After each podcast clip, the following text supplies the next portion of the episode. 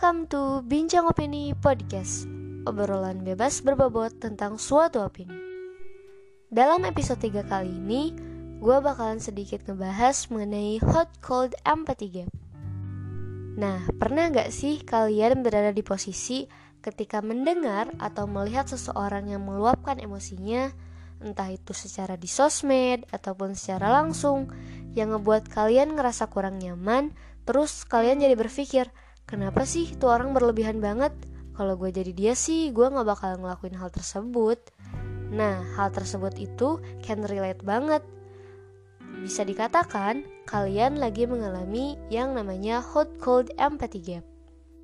Literally, hot cold empathy gap adalah kesenjangan dalam berempati. Hot cold empathy gap juga merupakan suatu cognitive bias yang ngebuat kita ngeremehin bagaimana preferensi kita bisa berubah tergantung situasi apa kita saat itu. Empathy gap juga dibagi menjadi dua kondisi, di mana hot state dan juga cold state. Nah, kondisi hot state adalah kondisi di mana kita kurang stabil. Kita berpikir kurang irasional, kita mudah ngerasa marah, terus takut, emosional banget lah intinya. Nah, sedangkan kebalikannya, cold state adalah kondisi di mana kita lebih stabil, kita mudah tenang, terus gak mudah marah-marah nih. Kesimpulannya, kalau kita berada di keadaan cold state, akan sulit bagi kita ngebayangin bagaimana kita di posisi hot state.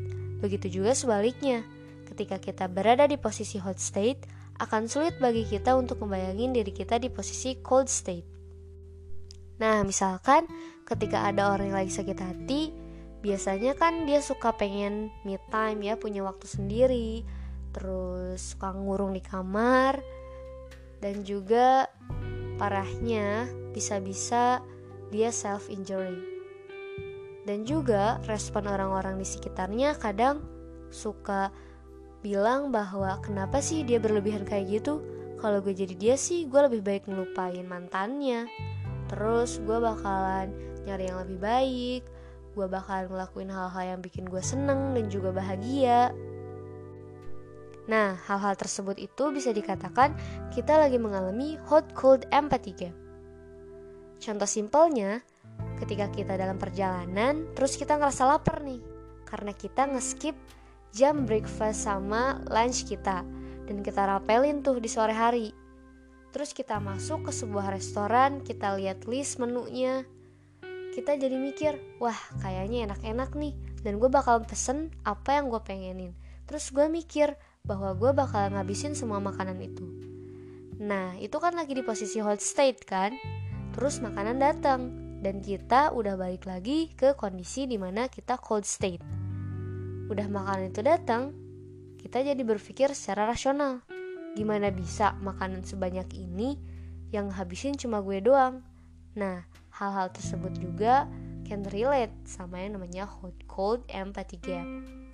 Terus yang jadi pertanyaannya, kenapa kita mengalami empathy gap kayak tadi? Jawabannya, ternyata human cognition itu state dependent. Maksudnya gimana? Jadi, saat kita melihat suatu keadaan atau suatu kondisi, bagaimana kita memproses informasi, lalu bagaimana kita mengambil keputusan itu tergantung kepada keadaan mental kita saat itu. Pun apakah empathy gap mempunyai efek?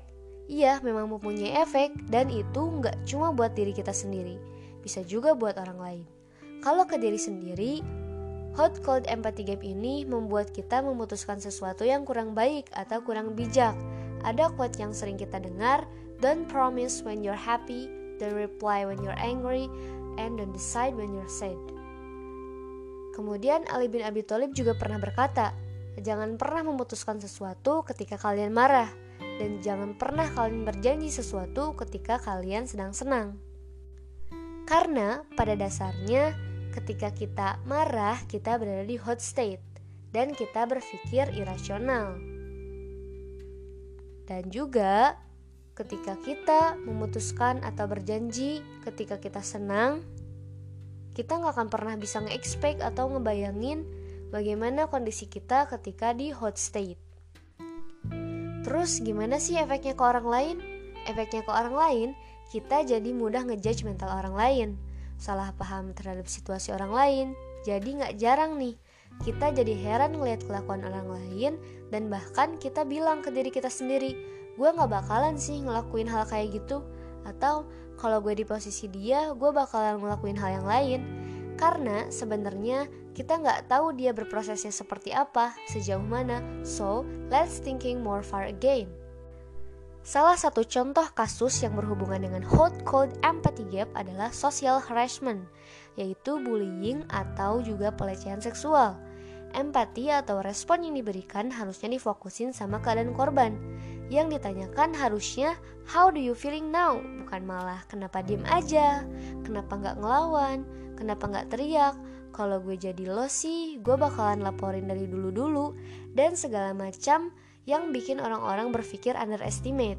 Tapi pertanyaannya, apakah benar dia akan berlaku demikian saat dia di situasi yang sama? Apakah ia akan langsung reaktif? Atau apa yang akan ia lakukan seperti apa yang ia katakan tadi? Jadi, ngomongin social harassment biasanya ngebahas tanpa posisi kita menjadi korban. Kita ngelihatnya cuma dari posisi kita sendiri. Pasti ketika kita berada di posisi korban, kita bakal marah banget, gak tahu harus berbuat apa. Terus kita lupa bahwa kita bakalan dilanda rasa takut yang sangat-sangat deep. Bullying atau pelecehan seksual membicarakan tentang intimidasi, soal pelaku yang mengintimidasi korbannya yang di dalamnya ada ketimpangan kuasa atau ketimpangan power di mana korban akan merasa takut dan biasanya orang yang merasa di posisi yang menakutkan gak banyak yang bisa langsung reaktif. Biasanya yang bakal dilakukan adalah shock duluan. Diem, bingung gak tahu harus ngelakuin apa. Sampai-sampai dia ngerasa trauma. Yang dianggap konyol dan tolol itu ketika orang yang meragukan legitimasi yang dialami korban bullying atau kekerasan seperti mengatakan, kok baru ngelapor sekarang, kemarin-kemarin ke mana aja? apa benar lo dilecehin? Harusnya kan logikanya kalau lo ngerasa dilecehin, lo seharusnya langsung reaktif dong, terus ngelaporin. Terutama jika pertanyaan-pertanyaan ini disampaikan oleh orang-orang yang bekerja di instansi sebagai pelindung. Karena menurut gua betapa bodohnya dan begonya dia, dia belum cukup mengerti dan paham mengenai human behavior seperti ini. Karena dalam beberapa kasus penelitian pun menyebutkan banyak yang bisa langsung lapor atau mengonfrontasikan hal tersebut. Literally, persoalan tentang empathy gap adalah persoalan yang sangat manusiawi. Back to human cognitive itu sifatnya state dependent, tergantung kepada keadaan mental pada saat itu.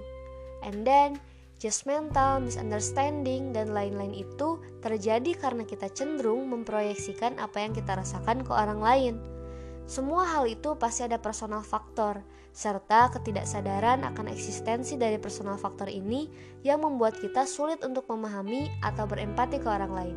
Kita jadi suka meremehkan behavior orang lain. Kita pun sering salah atau kurang paham memprediksi sikap kita pada situasi tertentu, lalu bagaimana ke orang lain. So, gue ngesuges lo buat lebih berempati, Mari kurangi justifikasi karena kita nggak pernah tahu di detik keberapa seseorang memutuskan untuk berubah. So, keep evaluation, stay on progress, stay safe and stay healthy. Gue Zaki Haulia. Happy chill out guys.